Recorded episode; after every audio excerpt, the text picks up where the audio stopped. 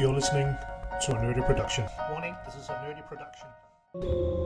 Welcome to the GM Workshop. We want to dive into insight and tricks from game masters and game designers all over the world and digging up that tacit knowledge so we all can be better game masters and evolve the hobby we love so much.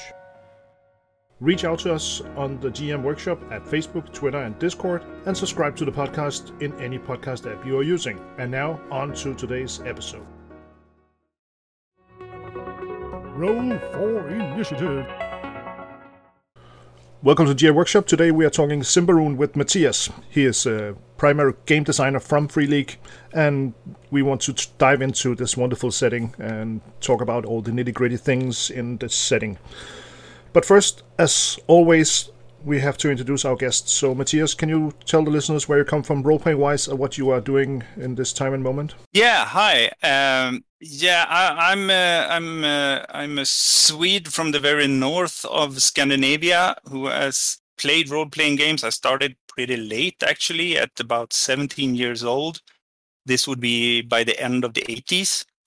Uh, and I started out playing mainly uh, Swedish games such as Drakar och Demoner, Mutant, uh, Chock, uh, Western, and also a little bit later we came into we played Advanced Dungeons and Dragons and Call of Cthulhu and all the big ones. So I mainly uh, you can say that from from the age of 16, 17, uh, role playing game was was how I uh, associated with my peers, my friends. Uh, it was I, I, played a little bit of hard rock drums as well, but role playing games I believe is is what has been most formative for me during those years. Swedish black metal or something like that. No, I, I actually um, my brother-in-law is um, is the drummer in Meshuggah. Oh, nice. Cool. Tomas Haake, yeah, yeah, yeah. So I'm I'm only the second best drummer in the family nowadays since I married. Yeah, that's uh, that's fair. Um, when you started up, uh, you, you said uh, Draga and Demona, or Draga Demona, Dragons and Demons. Yeah. Um, uh, it's a classic Swedish game which are late uh, surrounding the basic role-playing games and and converted into D20 and back again. Uh, as I as I remember, um, it's it has a lot of conversion, but it was very hardcore in the deadliness in the system and not as uh, hero focused as in uh, in Dungeon Dragons, uh, the Gygax yeah. systems and so on. And you said Western also is also a pretty pretty rough system to get shot in. It's oh not, yeah, it's not uh, it's not a fun fun experience for the players or uh, the characters um, especially. You can you can say it's it's more real yeah. than fun. Yes, sure.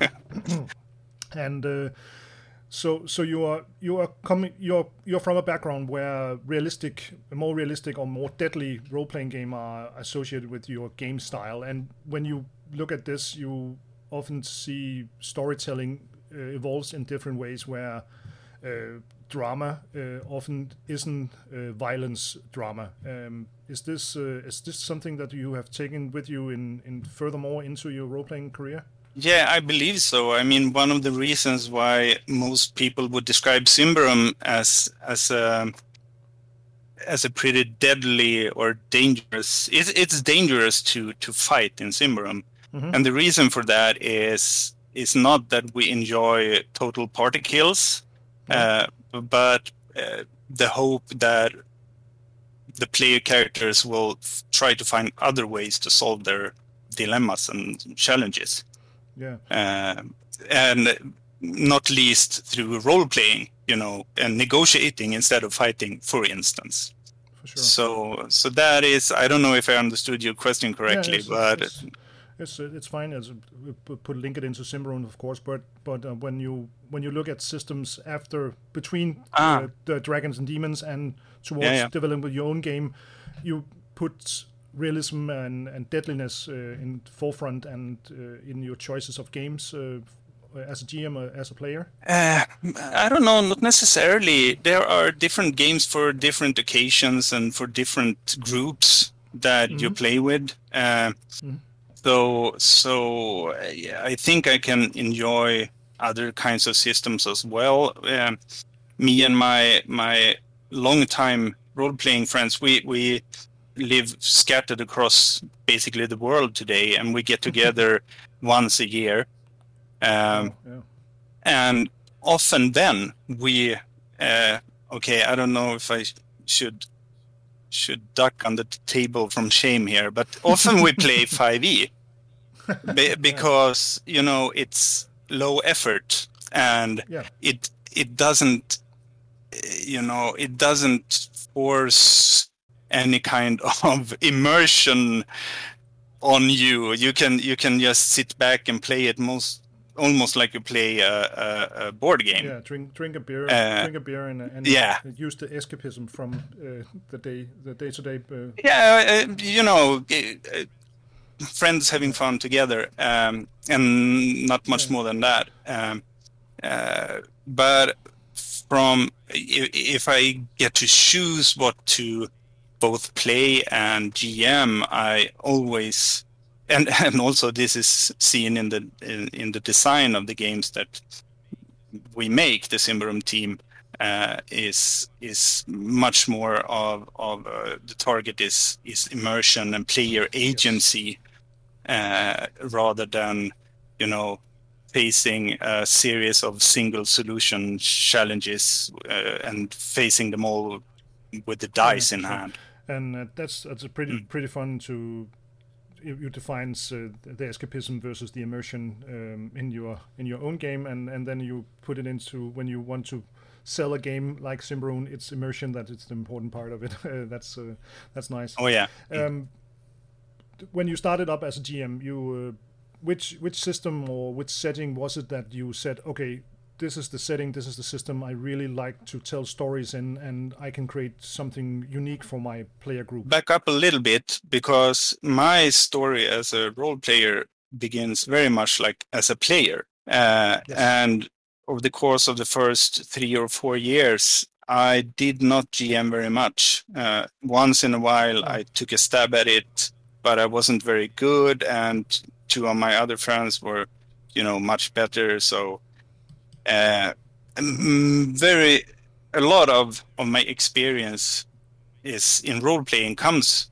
from being a player, which I think is is you know has been really important for me also when when designing and creating adventures for others to play.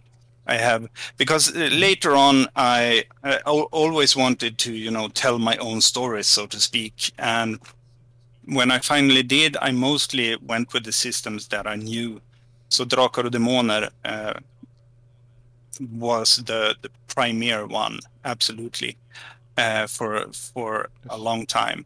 And then i don't know if you know the history but in early r- around the, the turn of the millennium uh, me and some friends started a, a hobby company called Järnringen. uh, and uh, created uh, a, a new version of the mutant IP called uh, Undergångens arvtagare, Heirs of Doom. Um, Yes. So, and and that was a really really important school. Um, and I don't know, I, I wrote this massive. I'm I'm very much into to designing massive campaigns, and the first one was for Mm. for Undergångens arvtagare, uh, uh, for the mutant, and both of these games Yes. are, as you know, uh, the systems are derived from basic role playing. So there are the percentages, there are qu- quite deadly, uh, not realistic per se, but uh, they are crunchy, but not in uh, you know, not in the master. or in the sense of Pathfinder or Dungeons and Dragons, where you have Oh, these these levels uh, that you you follow. It's it's much freer in terms of character creation and character development and so on. And that is also something I really really enjoy as a player, and that I try to put into the games we make today. Yeah, the basic roleplay principles uh, to Yeah. make it a bit crunchy, mid real, bit realistic, and then take it from there and don't stall too much when we when we play um, the stop and go thing. But then I, I must add uh, something that you must never forget when discussing uh, your preferences and systems or settings or whatever as a GM or as a player is that what happens to a game when it hits the table is always something new. Mm-hmm. Uh, because role players are, I, I, mean, maybe not all, I don't know, but the, the, ones I know are creative yes. and they are rebellious. Mm-hmm. And if they don't like a, a, set of rules or they don't like a, a, specific setting, they rearrange it. They they house rule. Yes. Uh, uh, and we did a lot of that, mm-hmm. Uh, which is also very very important. A very important lesson that I I try to um, cool. make use of as a designer. Uh, the fact that you know try to to design the, the games and the adventures and whatnot uh, with the knowledge that this will be modeled or refurbished or tweaked by by a game master uh, and not by one game master by thousands of game masters because we're so lucky we have a lot of players. yeah, sure. That's it, it, must be a hard thing to cope with as a game designer um, know that you're you are creating this game. This is the right way to play it, and then you sit it down as a with a test GM or or group you you mm. listen to eh, on a podcast or whatever, and they just do something dif- completely different what in what you you wanted to do. That has to be a, a hard thing to cope with in the beginning. I, I imagined. yeah, but luckily we had this experience during you know the the, uh, the around the, the, the turn of the millennium, the beginning of the 2000s, where we we had this relatively small Swedish community of mutant players, where we where we learned this the hard way, and today it's it's just. I mean, it's just the way it is, and why shouldn't it be? It was exactly what we did yes. when we, you know, uh, read the the adventures of Dungeons and Dragons, or even Drakar och Demoner and so on. So so that that is what role players do, yeah. and that's one of the reasons why this hobby is so amazing. Yeah. We are. Uh, you know, I, I often say that when I go around meeting people or meeting people like this, when I talk to you, it's not um, at conventions and such. I don't. I never meet consumers, no. which I, I I did when I worked for a short while in the computer games industry. Yeah. I, I meet co-producers, yeah. co-creators all the time. Yeah. Both players and GMs. That's a great, great point to see that all of us, uh, especially as uh, always GMs, uh, particularly, we are all game designers in some regards. Uh, we also yeah, want to change things. We also want to make our own stuff and, and, and so on and so on. So that's a great point to, to bring to the table, Yes, for sure. Mm. Um, when you play with your players uh, as a GM, uh, I don't. I know you are. Uh, you like to be a player as well, but when you when you mm. when you sit down with a group of players, how do you manage a table? Um, if if you want to play Symbaroum with uh, let's see four new players uh, this uh, this Saturday, how do you how do you manage this? Oh, this this is a question that I really cannot answer because it hasn't happened. I, I, I only play with people I know, okay. and uh, I listened on a couple. Of, I mean, it, there was a time when I GM'd a lot at conventions. Yeah. yeah, and I don't think, and this was the '90s, maybe, and I don't think me or anyone else was very aware at that time that that you know you you should take a bit of time to to discuss beforehand or get to know one another a little bit.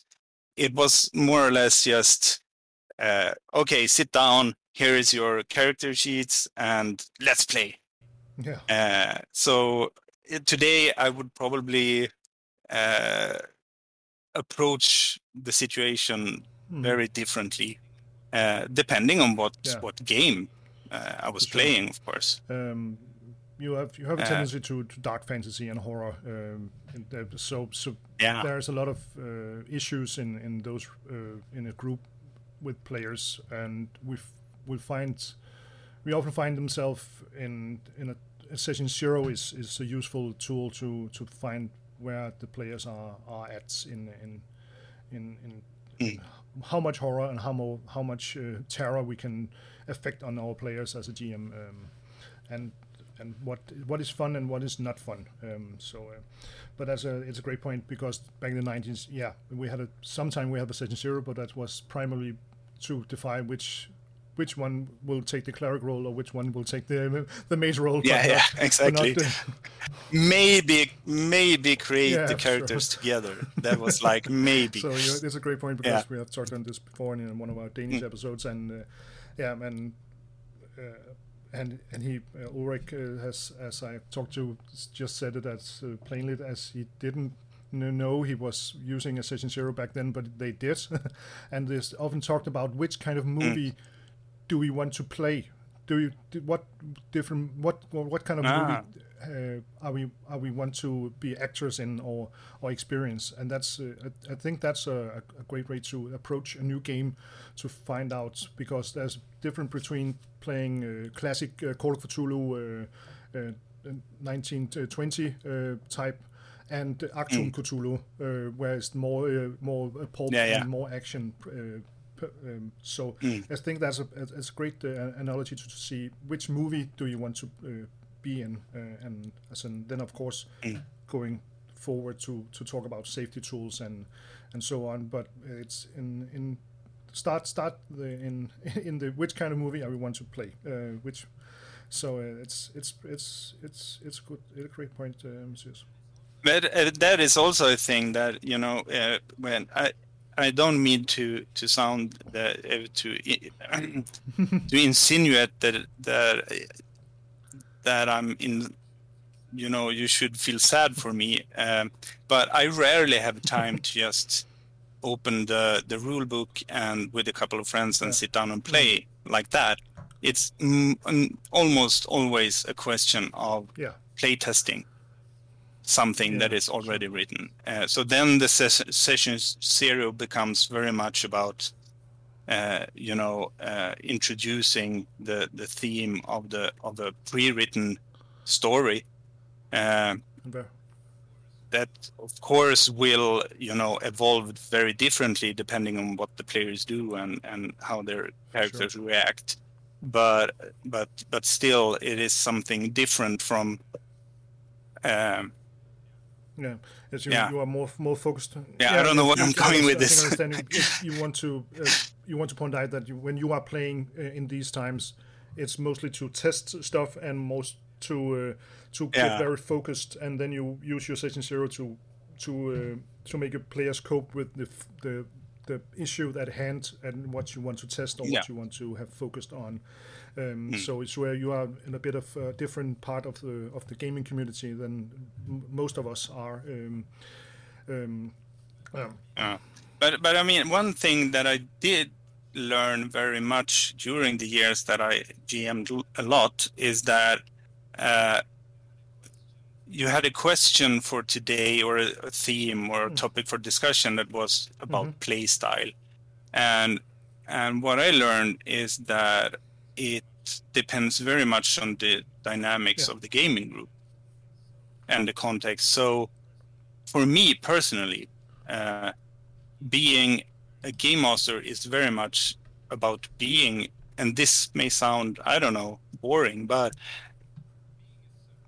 being a servant uh, to the players and to the story, being a facilitator, being, you know, the engine that helps them. Uh, it, and, and the joy I feel as a GM is mostly, I find it in the eyes of the players. My fun is yes. them having fun.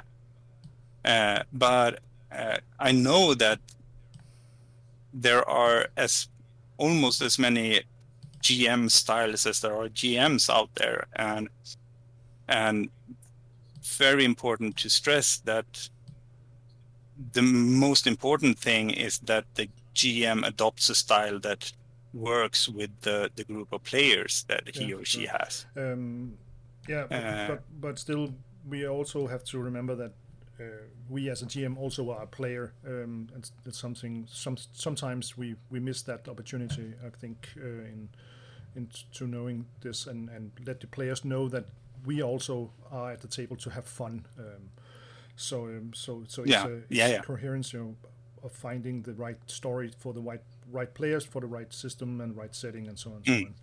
on. Um, and and then the players will you know they will very much Mhm. set the tone uh, of how the story and uh, the style develops during play. I had i had one very interesting experience. I think i must have been say it's 25 years ago and i was going to start playing with a new a completely new group of players. And we were having sort of a ses- session zero. And during this it i i proudly proclaimed that you know i'm not that kind of gm that plays on feelings very much. For me it's it's it's more about you know tactics and and uh, and politics and dice rolls not very much on feelings. Uh, but since when we started playing it was obvious to me that the the players were they wanted something else. And they took the story in a way I, I don't know there were people crying from joy and from sadness and angst and whatnot during during that campaign that we ran. And I, I i don't know how it happened. It's not what usually happens at my table. Not at all but you know the dynamic of the gaming group is so important in defining what what happens around for the table for sure. And it's it's just and it's then then it's fun to play with different groups. I'm playing with my I have two uh, settled groups, one in Copenhagen, one in my near area here in Denmark, and then uh, I have a a group in another larger city in in, in my near area, which I'm not playing off so often with.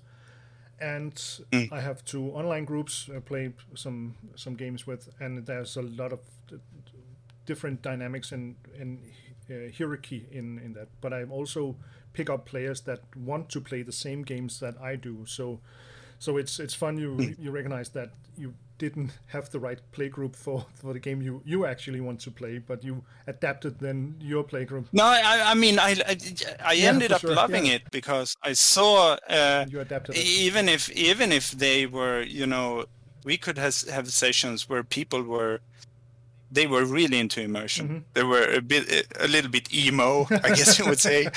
Uh, so people were s- super sad, and even after the session had ended, people were like, you know, a bit low and Yeah, yeah, but they really enjoyed it, and they they wanted that nice.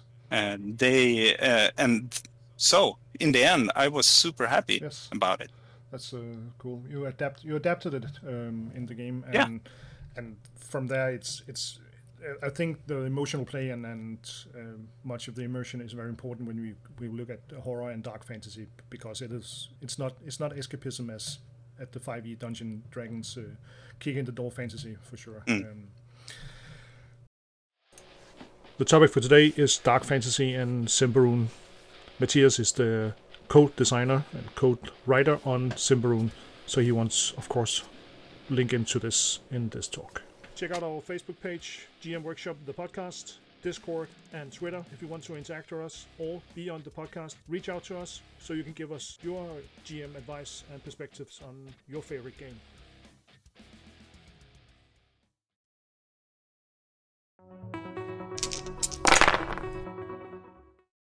we want to talk to about Symbaroum because you are the creator of Symbaroum um, with some other Swedish uh, co-creator, sorry, uh, with Yeah. other some other crazy Swedish guys and girls. Um, Yeah. um, and this is a dark fantasy setting um, set in a a pretty cool and depth uh, setting with a lot of cultures and a lot of uh, aspects in it. So let's uh, let's take a deep dive in what's uh, dark fantasy is for you, and let's turn it over to, to the setting in in specific. Uh, yeah we can we can try but uh, you know yeah uh, yeah, Because, uh, yeah let's start by asking ourselves what is dark fantasy then uh, uh, and uh, okay for me yeah, what is dark fantasy?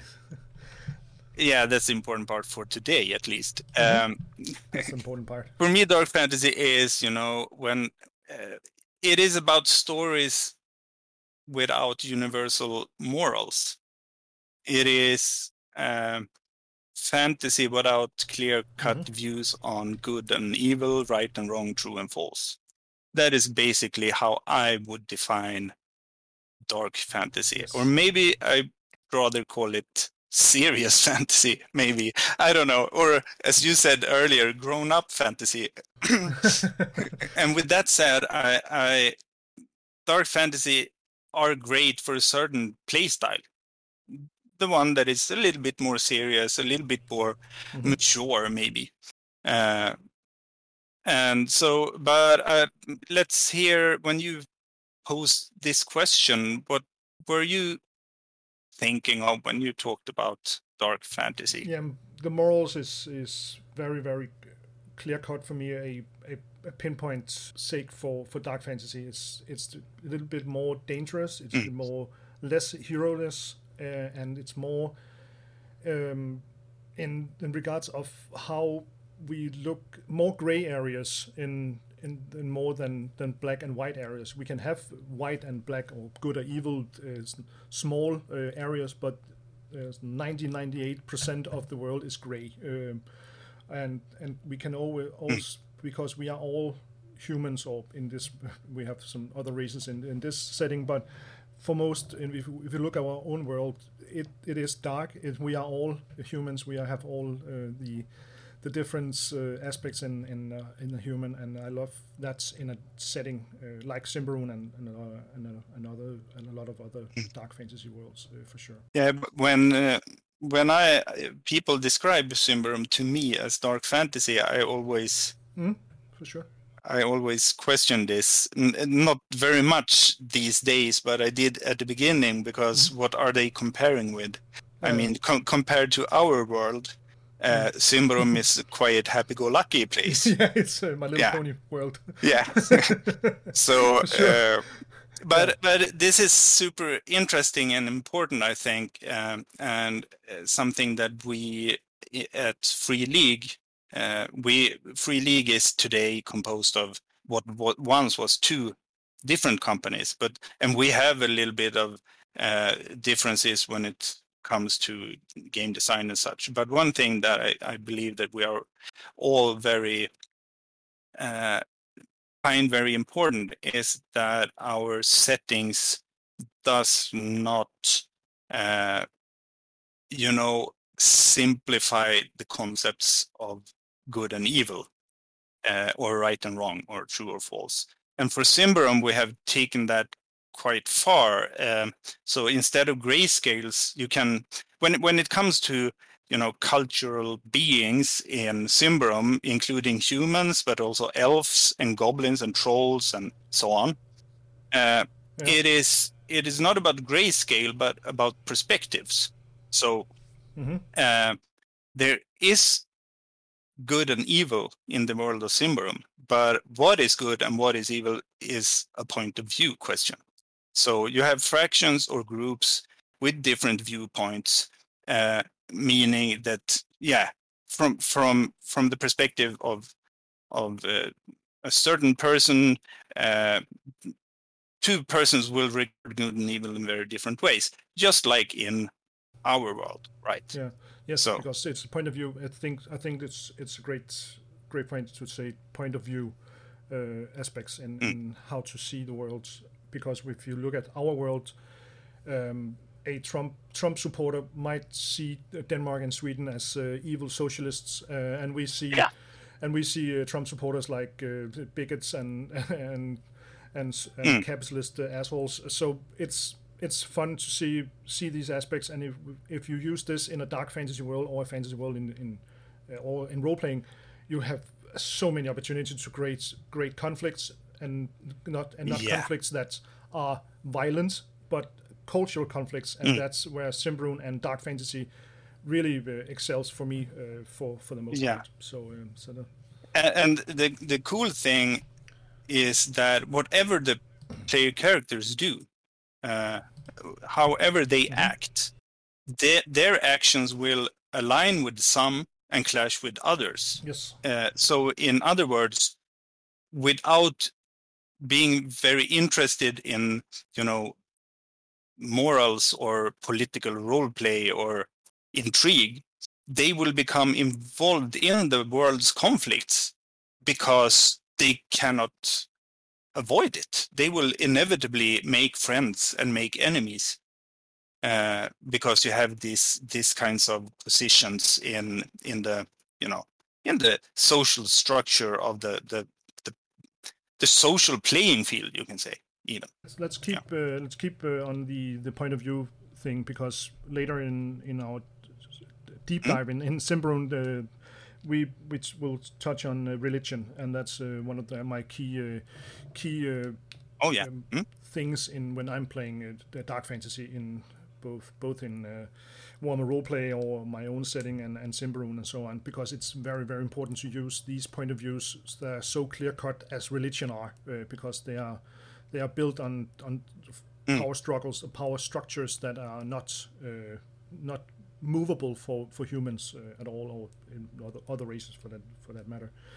Um, when you when you play uh, dark fantasy, the hero's journey in fantasy are a bit harder to do uh, because of uh, sometimes the deadliness, as in, in Draga and Demona, uh, Dragons and Demons. But uh, is is it fair to describe the player yeah. characters in in dark fantasy worlds as heroes. No, but in, in fantasy, the the normal term in the genre is yeah, the yeah, hero's journey. Yeah. Um, so we, when we combined it with dark fantasy, the fun and stuff goes away from the hero's journey and just and just becomes a journey for a person. Um, um, it's yeah, it's, and, and and I mean, especially I can't talk for all the settings that people call dark fantasy. No, no. Uh, I've heard people describe uh, Warhammer Fantasy roleplay as dark fantasy, and it is in some senses, maybe not so much in others. Yeah, some sense, yeah. Uh, so, but in Symbaroum, you know, the the hero or protagonists, yeah. the the player characters,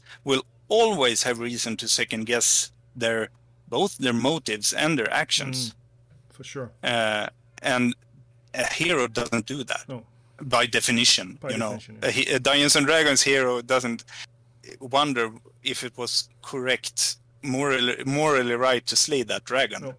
they just don't because it was red and it's chaotic evil. yeah, of course. So it's uh, it's on the stat block. It's evil, um, because. Mm. It, and that's a, a, great point, uh, Matthias, because yeah, hero's journey is a protagonist journey in in this this genre in this corner of fantasy role playing for sure. And yeah, warm role play mm. is especially the first and second edition are dark fantasy. Then from there it becomes more meh more more boring uh, for sure.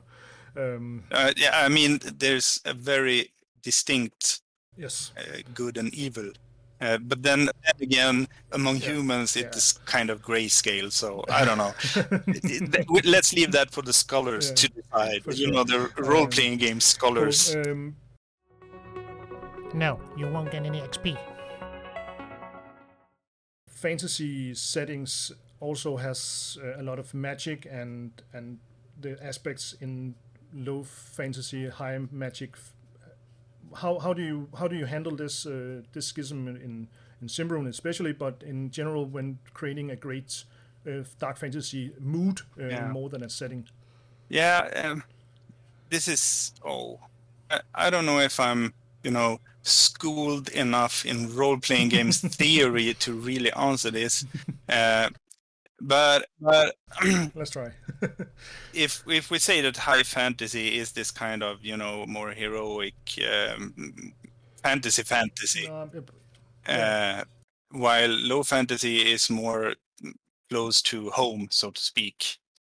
Uh, hmm. I I would say that Symbaroum there are maybe some high fantasy elements to it, but and this is what is important, and I think we will discuss this even more in a little bit. Uh, the, the conflicts uh, mm. plaguing the setting of Symbaroum, or plaguing, characterizing the setting of Symbaroum, is not epic or otherworldly. They are very well known to all of us who inhabit this world. Uh, and and actually, I would argue that the conflicts uh, of the the, the the the setting are what mainly defines it as an as an as an arena for role playing games. For sure, the culture, the culture battles, or the uh, the religions, Yeah. or the the Exodus uh, and so on. Um, when you when you look at uh, Symbaroum, there's a lot of high fantasy elements like uh, different kind of monsters, some races, uh, player both both player races and and not so much player races um, to to to build up. Um, and often these are antagonists or some kind of monsters the, the, the creatures can meet in the, the great forest uh, of Davokar. Um, and you also put in in the Davokar forest you have have the elves, so so you have some some Tolkien uh, fantasy as well in in in in some in some regards. Um, but but still you have this very very tight constructed uh, human uh, human civilization uh, core where we, we have a strong uh, church which are suppressing both magic or and and uh, the the fantasy elements in and and this this I think is a great tool to create a better uh, dark fantasy setting when when we have a strict strict structure that will that will minimize the the fantasy uh, elements because when we have fantasy elements and spells and and special abilities and so on the the the the tropes will be more uh, more f- more uh, fun tuned and and not so much uh, a great uh, great uh, engine to to create the great stories so I, I'm I'm leaning towards to, to use less uh, less fantasy when I'm playing dark fantasy. Um, if uh, if you can. Right. Um, No, uh, and I, I, think I know what you're Yeah. getting at, but to us, um, these tropes or uh, archetypes of high fantasy, uh, when you put them into the into the setting of Symbaroum with its, you know, and especially when you align them in the structure re- uh, regarding the main conflict of the game, uh, they become something different. I mean, they they look may they may look a bit like Tolkien's elves, yeah, but anyone who has played Symbaroum know that they are something very different uh, because in Symbaroum they are the representatives or the the the embodiment of uh, uh, one of the extremes uh, in and an extreme pool in the main conf- conflict of the game. Uh, and and and many have reacted on the fact that you know in Symbaroum the the the elves play the role that is usually in many role-playing games, fantasy role-playing games, played by the orc. Mm. You know, the, the default enemy. yes, Uh, and this is not uh, by chance. This is because they we chose uh, the the elven archetype of tro- or trope to represent a very important uh, important position in in the the social setting yes, uh, that is Symbaroum. yeah, that's uh, Uh, I don't know. Now, now I'm starting to get lose myself in fine. technicalities Yeah, here. because- Uh, the main thing yes. that is is super cool. yeah, It's super yes, cool. it is. I love, I love, I love No, the and- uh, as you you created them for sure, and and you Mm. dodge one of the tropes that are in in fantasy uh, by by using by morphing uh, the orc uh, barbarian uh, antagonist race uh, with the the classic good guy race elves, and and I love I love Mm. that morphing uh, you have have created and and put a lot of flavor and a lot of death in. in But but still, it, it I mean. The, the main conflict of Symbaroum. Uh, let's let's rip off Mm. yeah, let's that define, let's ban- define, let's band-aid.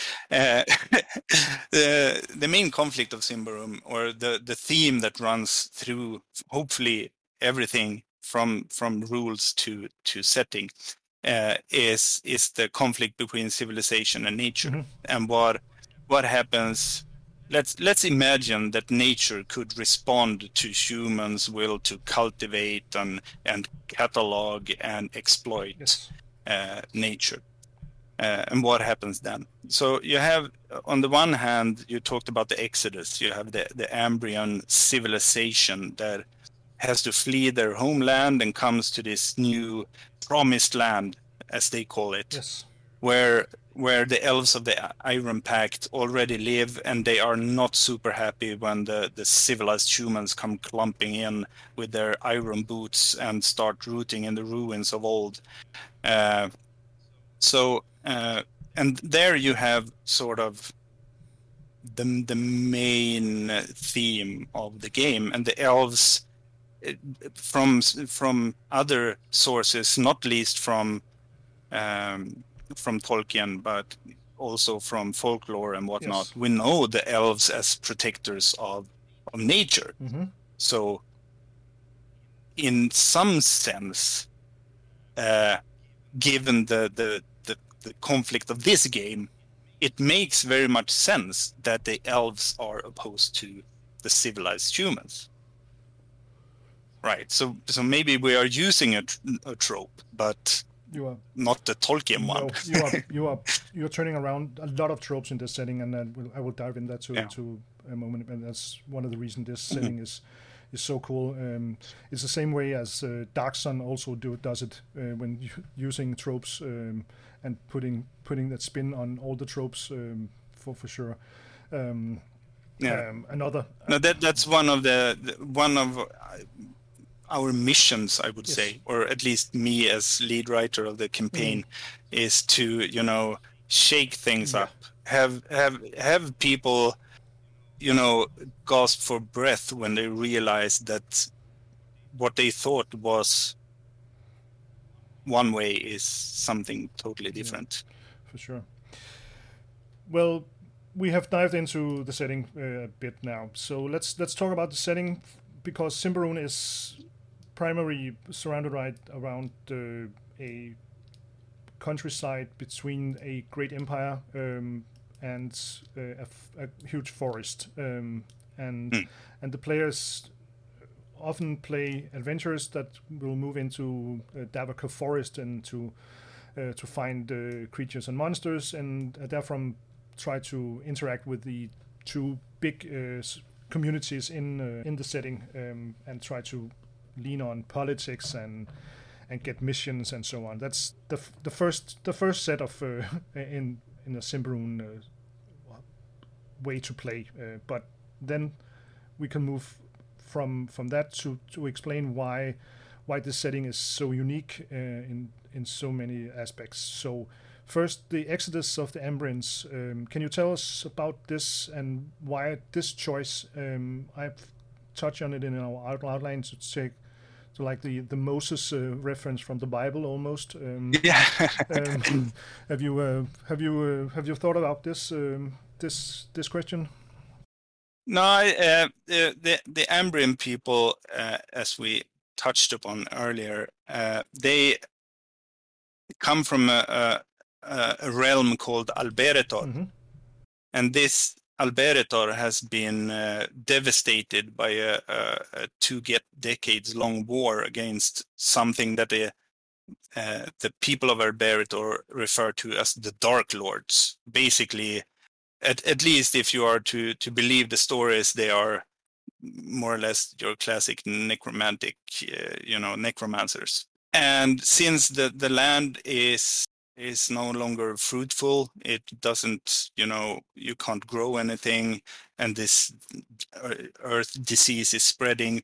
People they had to relocate, and they they move north uh, across a mountain range called the Titans, and end end up in what becomes their new homeland, Ambria.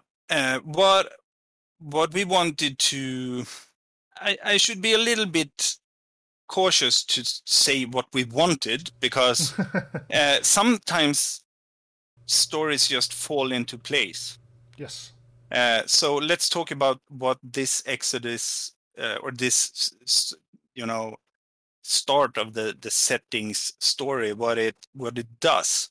It it it makes because we have the uh, Ambrians recently arrived to this region, Mhm. and they are you know they are representatives of of civilization. They are uh, they The personify the principle of civilization in some sense, and they Catholic- are. the Catholic Church almost. Uh, they have. Uh, Yeah, we uh, yeah we can talk a little bit more about Yeah. the, the church in a while, but Yeah, that that's kind of true. In, in any way, they, they are they are disciplined. They are you know schooled in the art of war, and in uh, they have developed you know a highly differentiated differentiated society that still bears some marks of the old feudal system. Mm. But when they come uh, into this land, uh, they almost immediately uh, they are set on conquering it you know they they don't come as refugees they come as conquerors yeah, and that doesn't fare well with the people already living in the in the in the region the humans uh, divided into a number of clans Mhm. uh, uh, called barbarian clans by the Ambrians, of course, by the because Ambrians, yes, that's yeah. very important to to notify. that's important. Yeah. Yes, So we, in when we talk about them, we talk about clan folks, but when the Ambrians talk about them, they say barbarians. yes. So, and then you also have the elves. Hmm. Uh, and the interesting thing with the Exodus and that it happened just recently is that this the conflict is still new. It has settled a bit on the lowlands, but Mhm. the conflict between humans and elves is far from settled. And there are also a lot of clan folks that have Mhm. a hard time coping with these Ambrians because they they know no bounds. Uh, No. They if they want to harvest wood from an area and they are you know uh, frightened away by by elven arrows they come Mhm. back uh, Yes. doubled in strength and with Mm. with full plate armor Mm. they they don't joke around.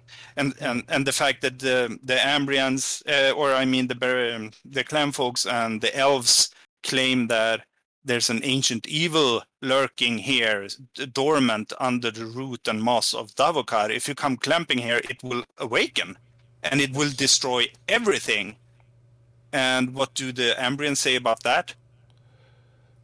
They say that's just fairy tales Yeah. meant to try to scare us to you know they they just want their resources for themselves Yes, Uh, that's re- referring back to, to what I told, uh, talked about in the beginning with dark fantasy.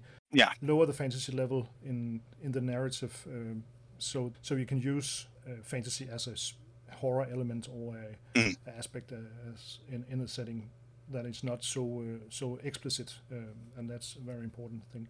So so the the exodus of the Ambrians was is was uh, like uh, Moses in the Bible, but also like the conquistadors uh, from Spain, um, a, a white uh, a white combination of those two uh, historic elements in our real world. I don't know if if the Moses story is historical, but it's it in the Bible. oh yeah It's a fine fancy Roman uh, novel. It's a fine fantasy novel. no i, I mean you also have the romans uh, the romans in uh, going yeah you know trying to spread their influence around the world conquering here and there and Yeah, for sure. So there are so many stories Yeah, that that start the same way, and and even if the the Ambrians themselves would would never, uh, or most Ambrians would never describe themselves as conquerors. Mm. They are refugees. It's you know poor poor us. Mm. We need we just want to, to have land where we can grow food and whatever.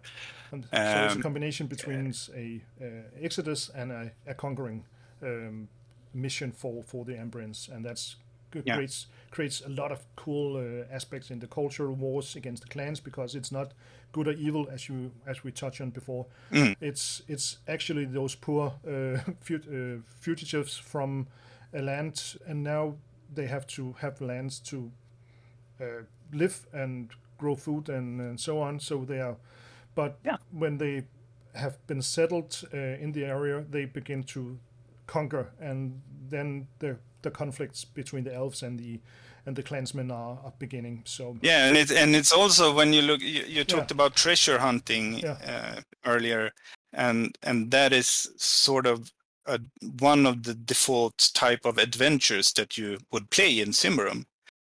Uh, and looking at the fortune hunters or, or treasure hunters, many of them are venturing out into Davokar because they that's their only choice. They have no other means of survival. They don't have land, they don't have work, maybe, or so their only chance to avoid poverty is going out into that forest, daring, braving the the the you know facing facing the threat of the elves and hoping to find some uh, partly untouched ruin where they can find some small things to bring back home and sell at the markets. Yeah. And then, so and then we're back to the, the POV um, as the point of view. Yeah. At that the forest are the evil uh, unknown uh, stuff, and the elves are the evil monsters that will kill us in the month in yeah. the, the. You know, they eat children. Yeah, for sure. Yeah, uh, of they course, do. of course Yeah. they do. um, and and that's the, the point of view, and the other point of view is the clansmen and the the elves that these people. To, please fuck off, go back uh, behind your mountain and, and deal with your own problems, and and we will we will kill you. Uh, those stupid people that goes into our forest and try to pillage our our sacred uh, ruins and uh, sacred uh, bur- burial rites and so on. So I, I think it's, it's it's great. It's a great setting for conflict when and most most protagonists and antagonists are best when they have a great reason to be in in the conflict. Uh, Yeah. um, if you look at movies, uh, it's like the Marvel movies. It wouldn't be anything without uh, Thanos because I, we, we understand his reasoning behind. behind uh, he wants to decimate the, the whole universe, but if, if we don't acknowledge it, it's as particularly smart or, or nice of him. But he, but we understand why he he's from from that position for sure. Or, Yeah. um, so um, so it's it's it's it's fine to, And- to have these and things coup in mind. coupled with that because that's super important you know uh, the reason the incentives for people to fight for they what they believe is Yes. right another thing uh, which is super important in the same context is that virtually no one not even the wild animals or beasts in the forest of davokar w- are willing to take unnecessary uh, risks No. so if, if you are, you know, two weeks into be, beyond the, the border of Davokar Forest, Yes. you you really think, think not twice but three times or four times before uh, going into a fight, hmm uh, and that is also true for for beasts. I mean, if they don't have a reason to fight, they run. And and that is also what the player characters should do quite often in Symbaroum. Yeah, for sure. they don't always, but yeah, It's uh, it's great. I try to find other ways to to deal with the with the situation. Yeah, for sure. Because it's when we when we look at in the setting in sociological term, because we both have uh, academic backgrounds and we want to see why why a setting is great. Um, I often look at what what drives the the different uh, fractions uh, in in the setting, and how can I use these as a GM to great make great stories for our our our players. Um, and we have the the the Ordo uh, Magic uh, the Magic uh, Academy, um, the the the church, Yeah. and and then the the rulers um, of of uh, the this this society, uh, this the, the Ambrians, yeah, the nobles and of Ambrian. The nobles. Um, and then we have these uh, a lot of these clans which are in some way allied with uh, the Ambrians in different different scales, and some of them are in, in tough infights against them, and so we have a lot of very subtle uh, cultural uh, aspects to put our players into and, and make them bounce around in these uh, in these arenas uh, for sure. So so what what did you have focus on when you when you created this game? Was was it to have a lot of fractions or how how do you how do you construct uh, this um, and where did you start? yeah, where did I start? I can honestly say that we we started with the main conflict, and then uh, we started. Uh, based on that conflict, what kind of positions ap- appear you know the the main the three main positions being either you are uh, an advocate for civilization you're an advocate for nature or you are an advocate for a position trying to find balance between the two.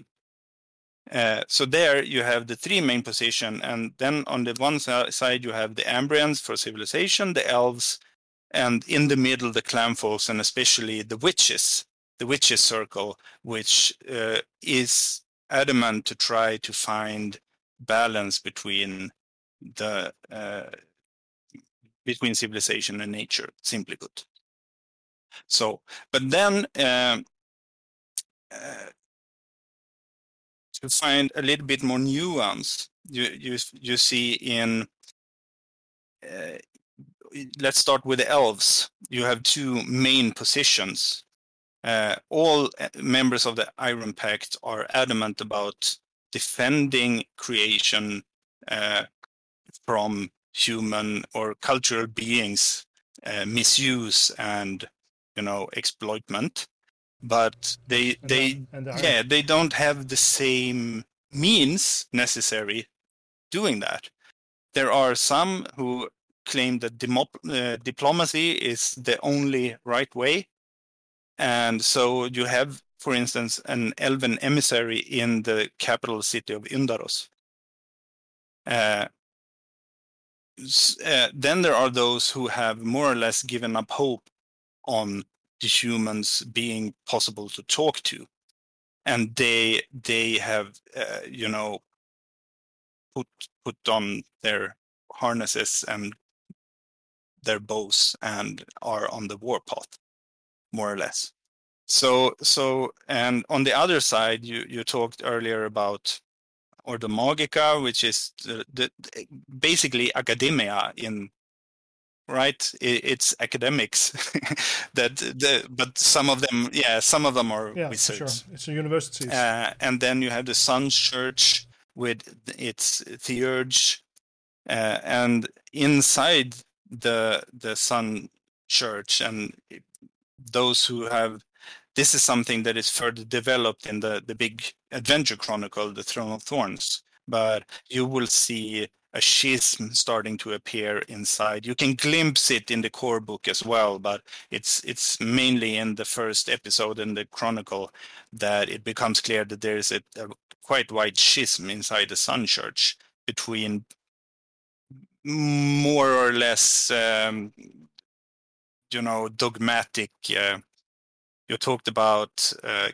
uh, Catholicism earlier, and that's certainly fair to one some point. At one point, we have loan. We have you know a lot of the aesthetics of Sun Church can be recognized from from Catholicism, but uh, the church is sort of the the most evident um, uh, Uh, or uh, organization when it comes to representing civilization. Because what do they say?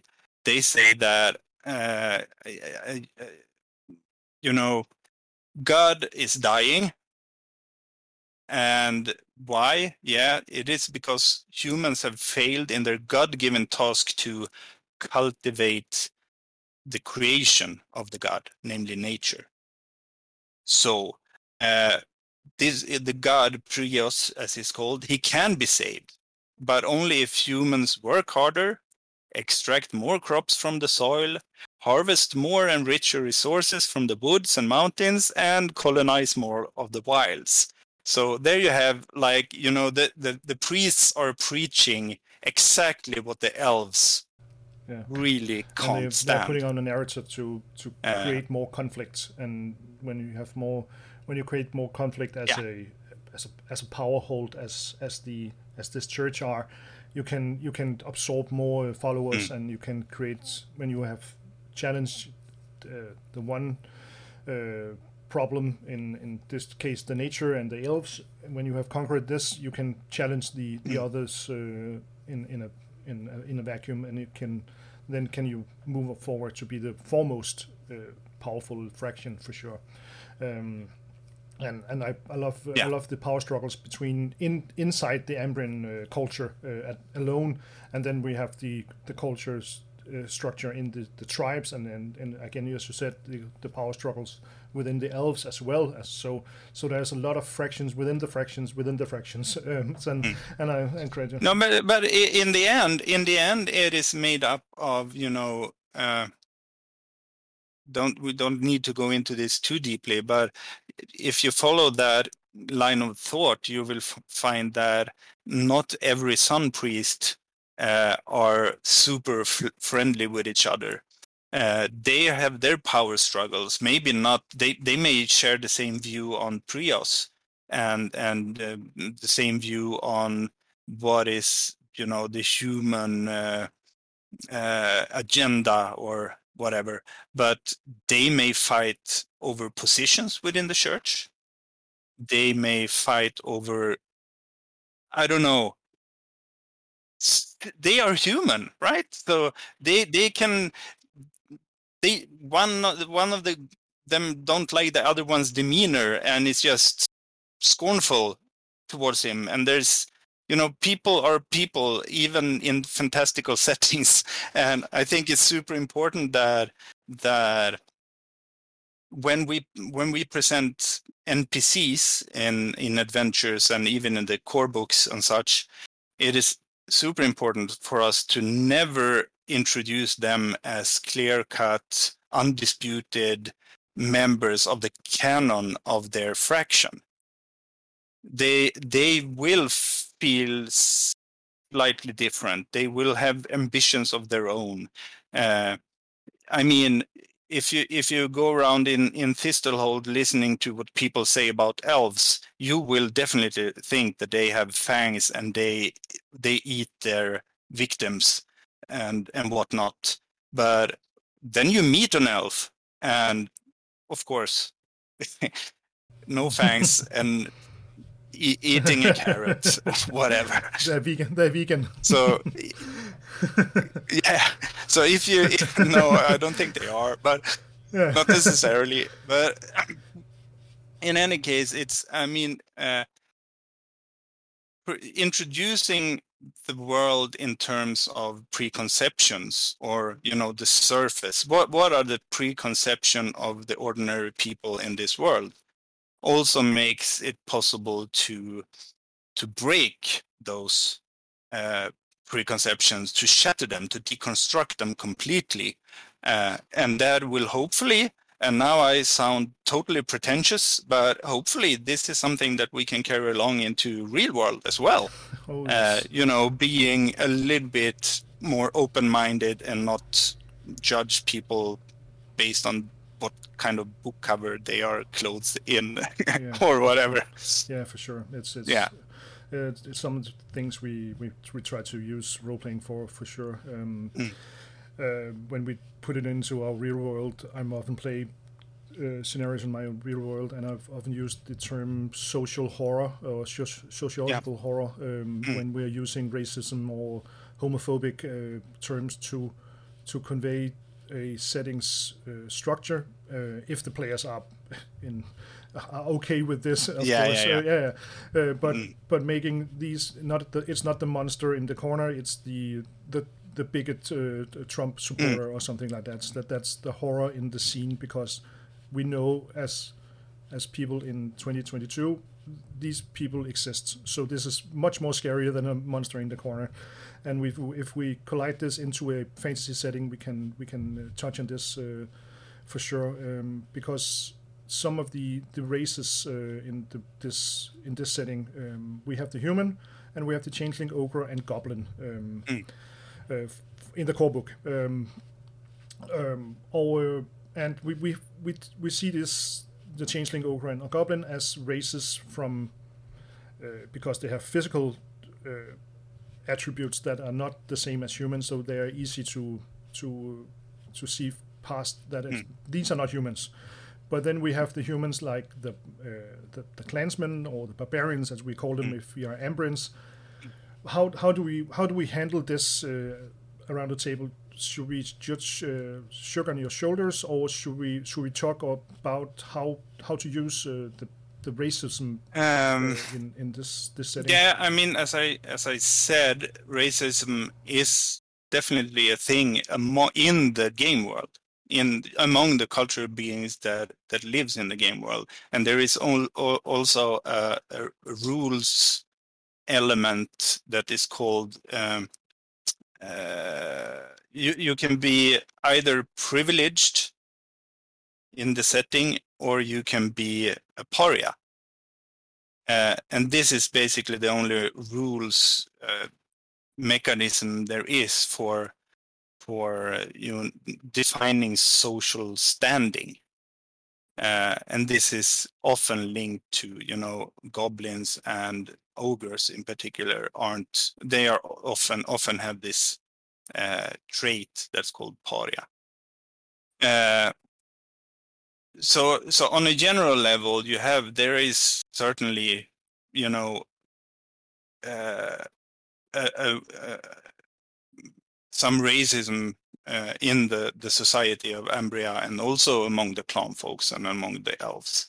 And it, it is clearly based on on fear on ignorance or it can also be, be, be fueled by agendas i mean the humans of Thistlehold are super happy to look down on the, the goblins because the goblins do such a great job, you know, swabbing the streets and cleaning the chimneys and what whatnot they do in Thistlehold. Uh, but as I said before, I think the way you handle this as as a designer or as a GM is that you introduce elements and individuals that that break with this general idea of what an elf, a goblin, or troll, or indeed a human is, uh, and and you can do that in in many different ways. That the most important things uh, thing I I think is that you try to portray design or portray uh, individual NPCs as individuals and not as you know spokespersons for a race or a faction or whatever for sure. Because um, when I played uh, Symbaroum, uh, my two players were only humans, so it was uh, and both Ambrians because that was it was a short campaign, so we we have to to make a very mm. tight frame in in what we, we we should do, but. We, we talked about how to play changeling and ogres and goblins um, because when we play these, how much weight as a GM should I put on uh, the racism for especially goblins because they are very low in the society, like in, in caste systems uh, terms, mm. uh, like Indian caste system. Uh, it's it's it, they are very low in in the system.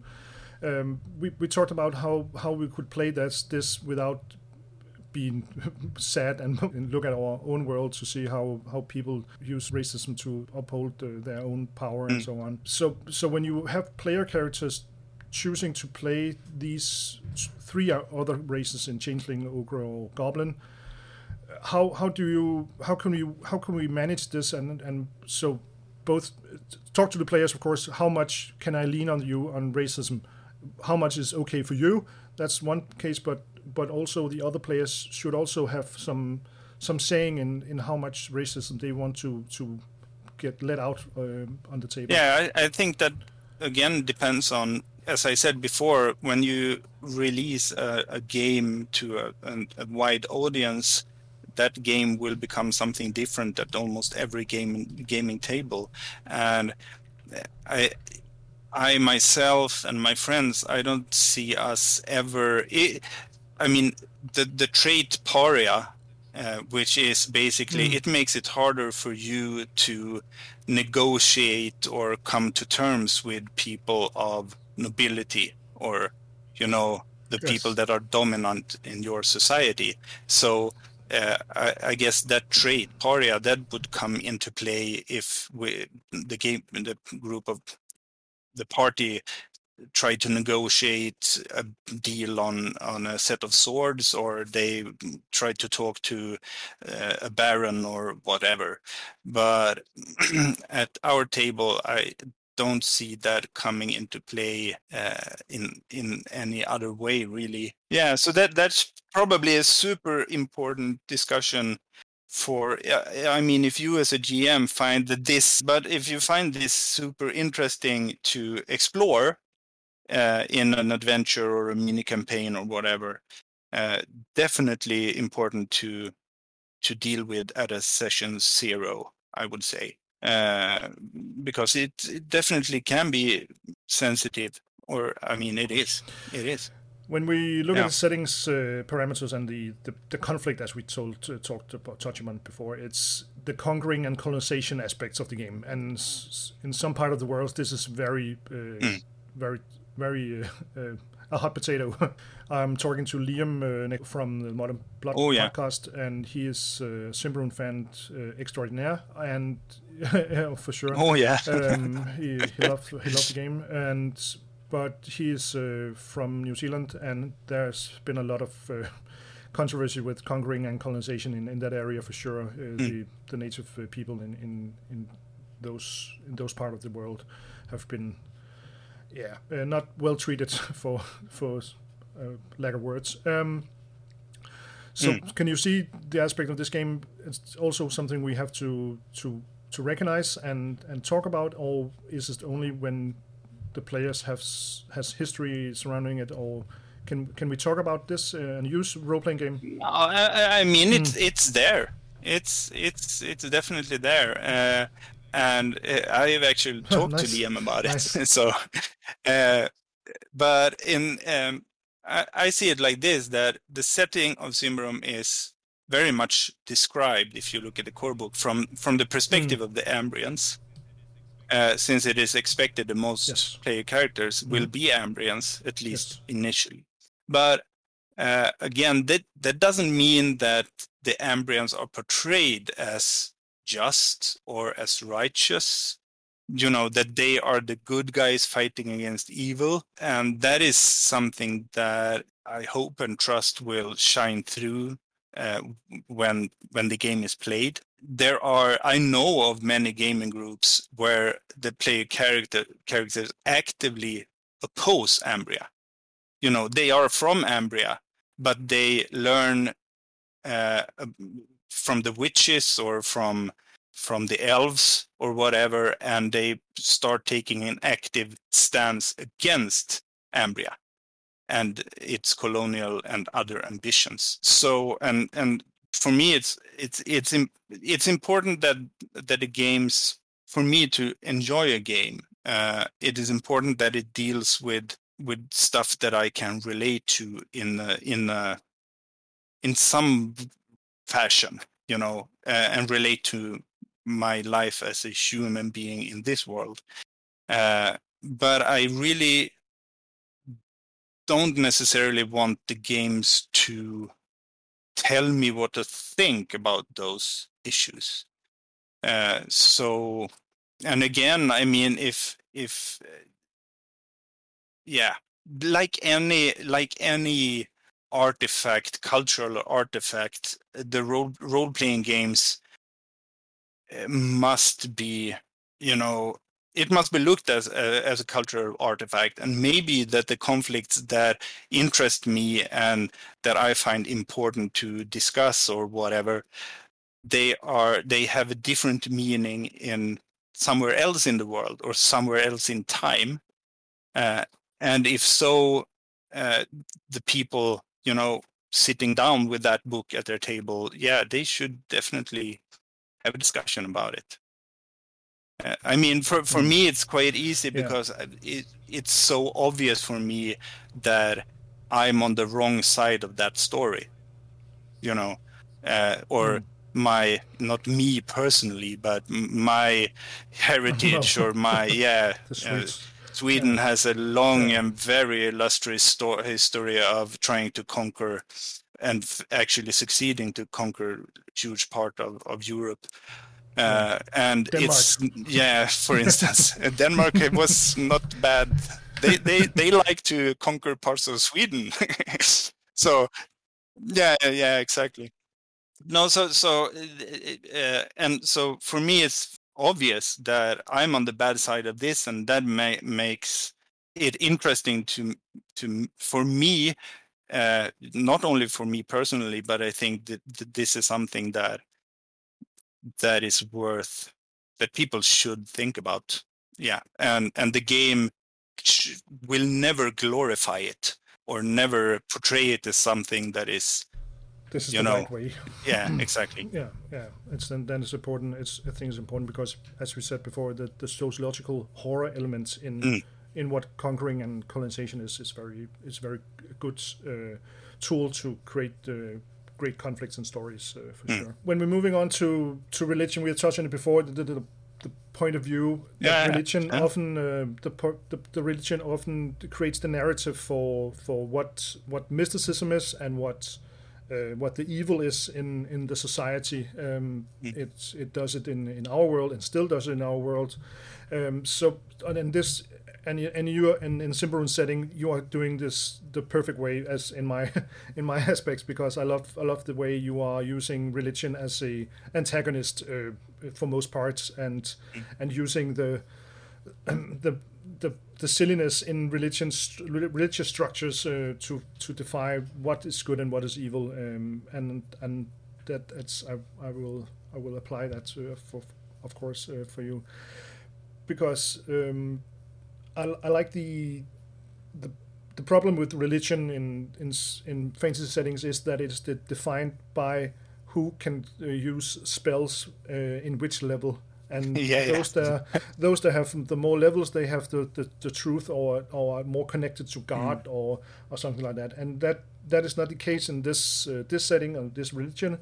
Uh, there's a lot of power guys, power, power hungry guys and girls in, in this in this setting that are not uh, very good in in doing um, uh, godly divine magic uh, for for uh, for so much. Um, how do you how do you use this uh, and and use the, the the point of view uh, from from religion as a dark fantasy element and a, a horror element uh, Uh, in society?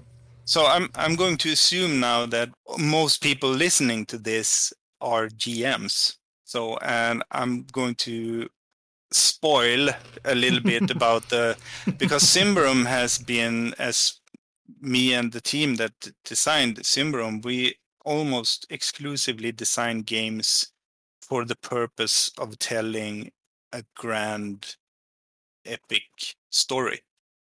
Uh, and in the case of Symbaroum, that grand epic story is called The Throne of Thorns, and it's a six-part adventure campaign. Uh, I'm currently writing the final one. The church is at very much at the center of of what is happening uh, throughout the campaign, uh, and the church.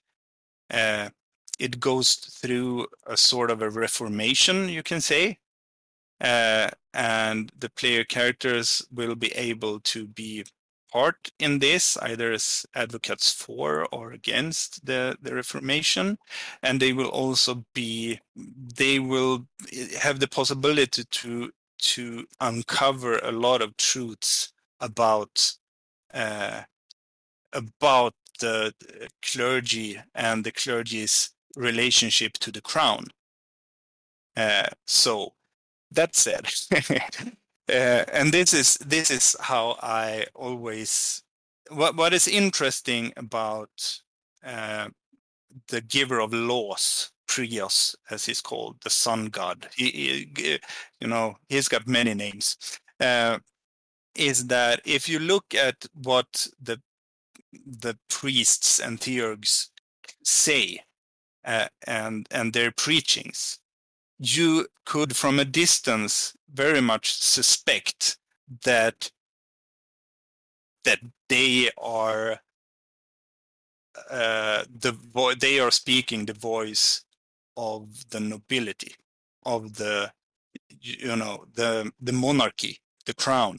Uh, because what they are saying is basically work harder and then in parentheses you know work harder to put more delicious food on our tables. uh, they say extract more crops from the soil. Yeah, you lazy bums out there and work. uh, harvest more rich resources from the woods and mountains. Uh, and they and and then they add, or else God will die and all will turn to darkness. So you have the the church as a very much as an instrument of power for the the haves to use against the have-nots.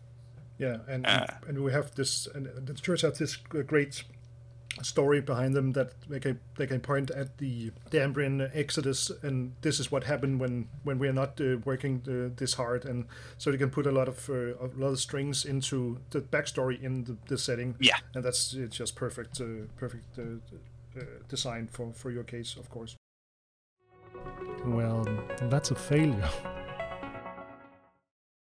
the church as a whole, there's a magic uh, relation to there is there is uh, clerics that can can turn this uh, turn use magic um, on the backside of of this god. How do you how do you explain the this in the setting for not uh, taking high fantasy elements out of the the equation and and putting in telling this is real the god is real it's not a faith it's it, the god is real how do you uh, how do you uh, understand this? No, I, I, I mean, of course, uh, the the priests. I don't know that all priests necessarily believe that Prios exists, uh, but they do all claim that it does.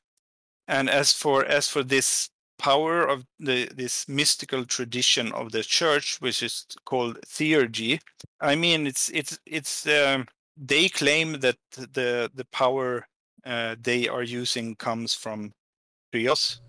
Yes. But there's no real evidence, of course. no, I mean, no. it could it could just be that they, they they could be drawing from the same source of creation and the elves, uh, as the, the wizards and as the wizards, uh, witches, or or the troll singers yes. and death mages and what the other traditions are called. Uh, uh, so and and there is not in the core books, and there will never be uh, a supplement going forth that will clearly clearly state yeah. to you as a GM if Prios exists or is just a figment yes, of that's, that's human imagination. Uh, because uh, from from our point of view as designers, if you feel the mm. need to decide, then do so. But from based on what we aim to create, there is no need to actually decide if Prios exists or not. And that's a great point because you you do not define where the, the magic come from, what the, the miracles and, and so on. No, and I love I love that part of, of the setting. Uh, it's the same choices I have made in my own fantasy dark fantasy world. There are a lot of the- theories. Yeah, yes, I mean, yes, there are in in game there are a lot of theories and and claims and and statements and Philosophy. and long bloody you know uh, philosophical thesis yes. about the nature of magic, mm. but yeah, that's in world, and they all contradict one another. So, who do you believe? Um, I'm going a bit of a bound of our outline, but I have a, a curious question. You are mm? you when you're creating a setting and you're creating a campaign uh, as as vast as uh, as this this. Mm. Uh, how do you cope with the the choices other GMs and other players are screwing with your with your story and plan.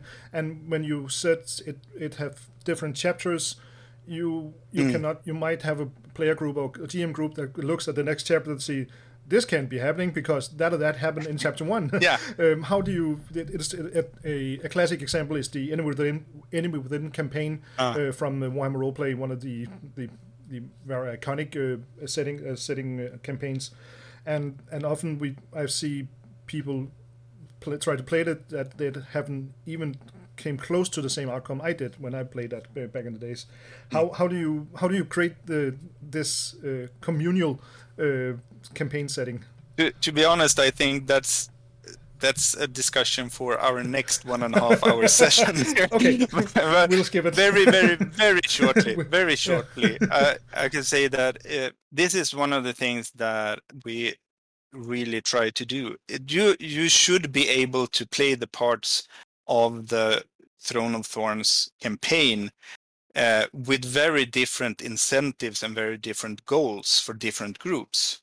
So they are basically designed to be played by uh, you know a group of characters that love the Queen of Ambria and another group that uh, follow the Iron Pact uh, what this does that is that we have to leave quite a lot of prep in the hands of the game master uh, and be upfront about that. That you this is, I mean, there are also instructions you know, how to play scene by scene uh, with a with a mission giver if you want to do the low prep version.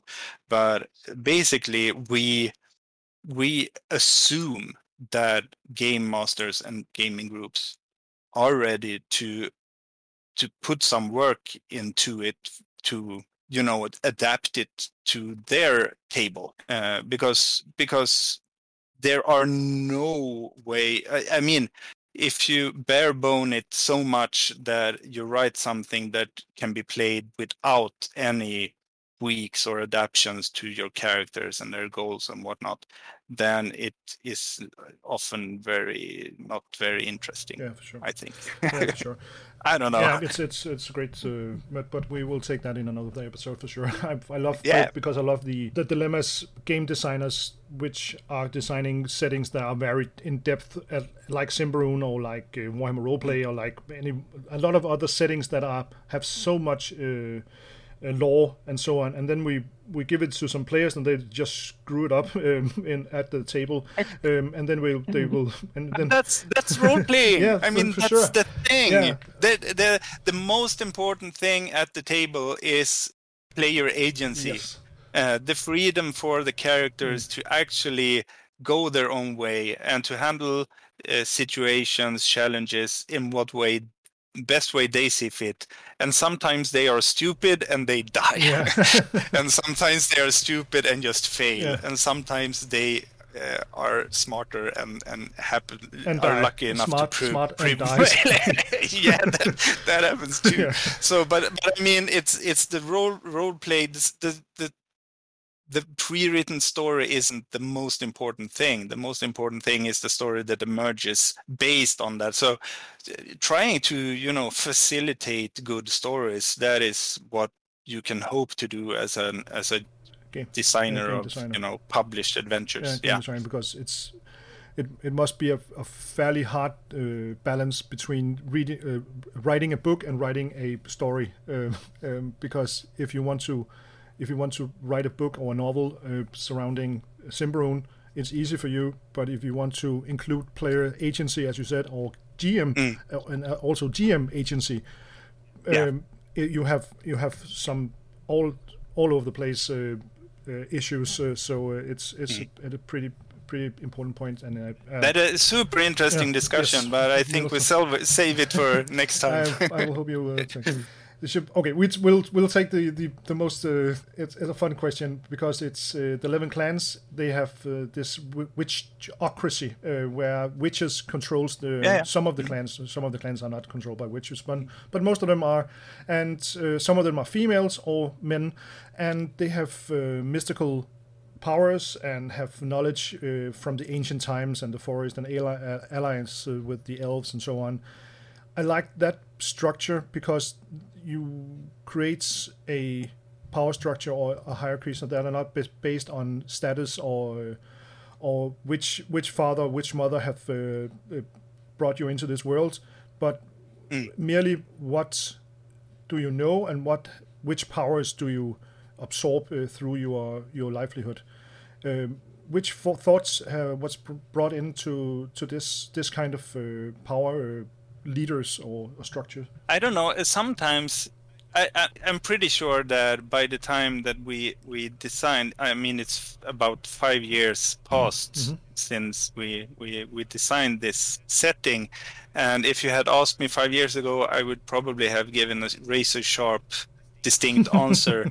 uh, but sometimes the truth is also that sometimes you and and and those are often the the most interesting things is when you set out to design a world but you find that you are uh, discovering it Yes. instead uh, because things fall into place Yes. um, uh, and and I believe that because what you're talking about now is th- there are these 11 plans. they were 12 but the Ambrians more or less uh, annihil- annihilated one of them Yeah.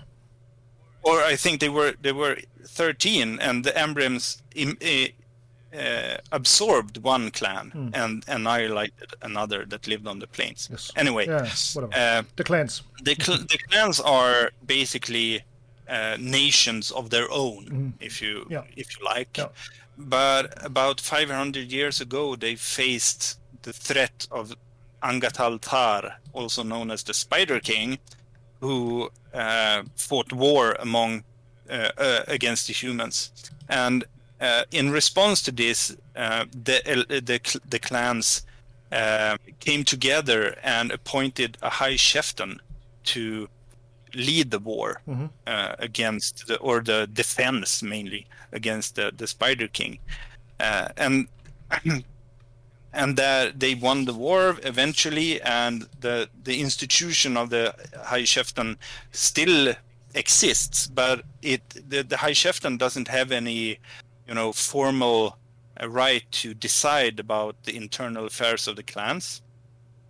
Uh, it, the High Chieftain can be asked to arbitrate in in uh, if if two clans don't agree, don't say eye to eye, if they are at war, the the High Chieftain can come in as an arbitrator, Mhm. basically. But uh, next to the High Chieftain is the Huldra, which is the leader of the the the clan folks' common witch circle Mhm. and that that is the thing that you refer to and they are sort of an informal council uh, d- um, consisting of one witch from each of the clans led by by the huldra Yes. who current, cur- currently is called Gieleta. Mhm. Uh, and and they have a very mm, in-depth knowledge about the forest and you can you can think of uh, if if you live on say in on, on a small uh, island nation or something knowing about the ocean is currency for influence and power Yes. right Yes. uh, and in this case, knowledge about Davokar is absolutely crucial for you know uh, the daily lives of of the clan members. So the the circle of uh, witches Mhm. uh, with the Huldra, or as the, the Ambrians call her, the Arch Witch, Yeah. of course. Yes. Uh, uh, they are advisors to the the chieftans, and as you were saying earlier, it's it's easy. I, I want to point out just so that is clear. Uh, chieftans are not always male, and witches are not always female. Uh, it's not a gender thing. It is uh, two different positions. The position of Chieftain is a more worldly power, but they always heed the advice of the witch circle, which is more, you know, uh, have better knowledge of all the clans' situations, while the chieftains only look at their own That's great. Uh, great point. Um, I just was was just curious uh, curious about uh, especially the this the sex uh, the gender uh, stuff around surrounding this uh, this structure and, and as we touched on before in our pre-interview, Um, so it's it was pretty cool to elaborate on that uh, for sure because it's it's a unique way to to construct a power structure in a in- a so vast uh, fraction as uh, as the clans are. Uh, so it's it's a pretty cool uh, it's a pretty cool concept. Yeah. Um, again, it's knowledge uh, and not and not status. Um, something we can could learn about in in our own world for sure. Oh, yeah. uh, um, so, but uh, again, Mattias, uh, thank you for for doing this. And uh, have you anything to to reveal for us or elaborate? No, hopefully by March uh, we will have a, a Swedish manuscript for the final part in the Throne of Thorns, uh, and it will be uh, the translation will be underway, and we will start, uh, you know, with the illustrations and maps, and eventually layout and so on. So before the end of the year, at least, I hope that that the saga of uh, the Throne of Thorns will come at an end. And I, I, I hope if you haven't already, there is uh, I have to- there is a quick start Symbaroum, very meaty 117 pages Symbaroum quick start that is free to download from our web store and Yeah. from Drive Through RPG.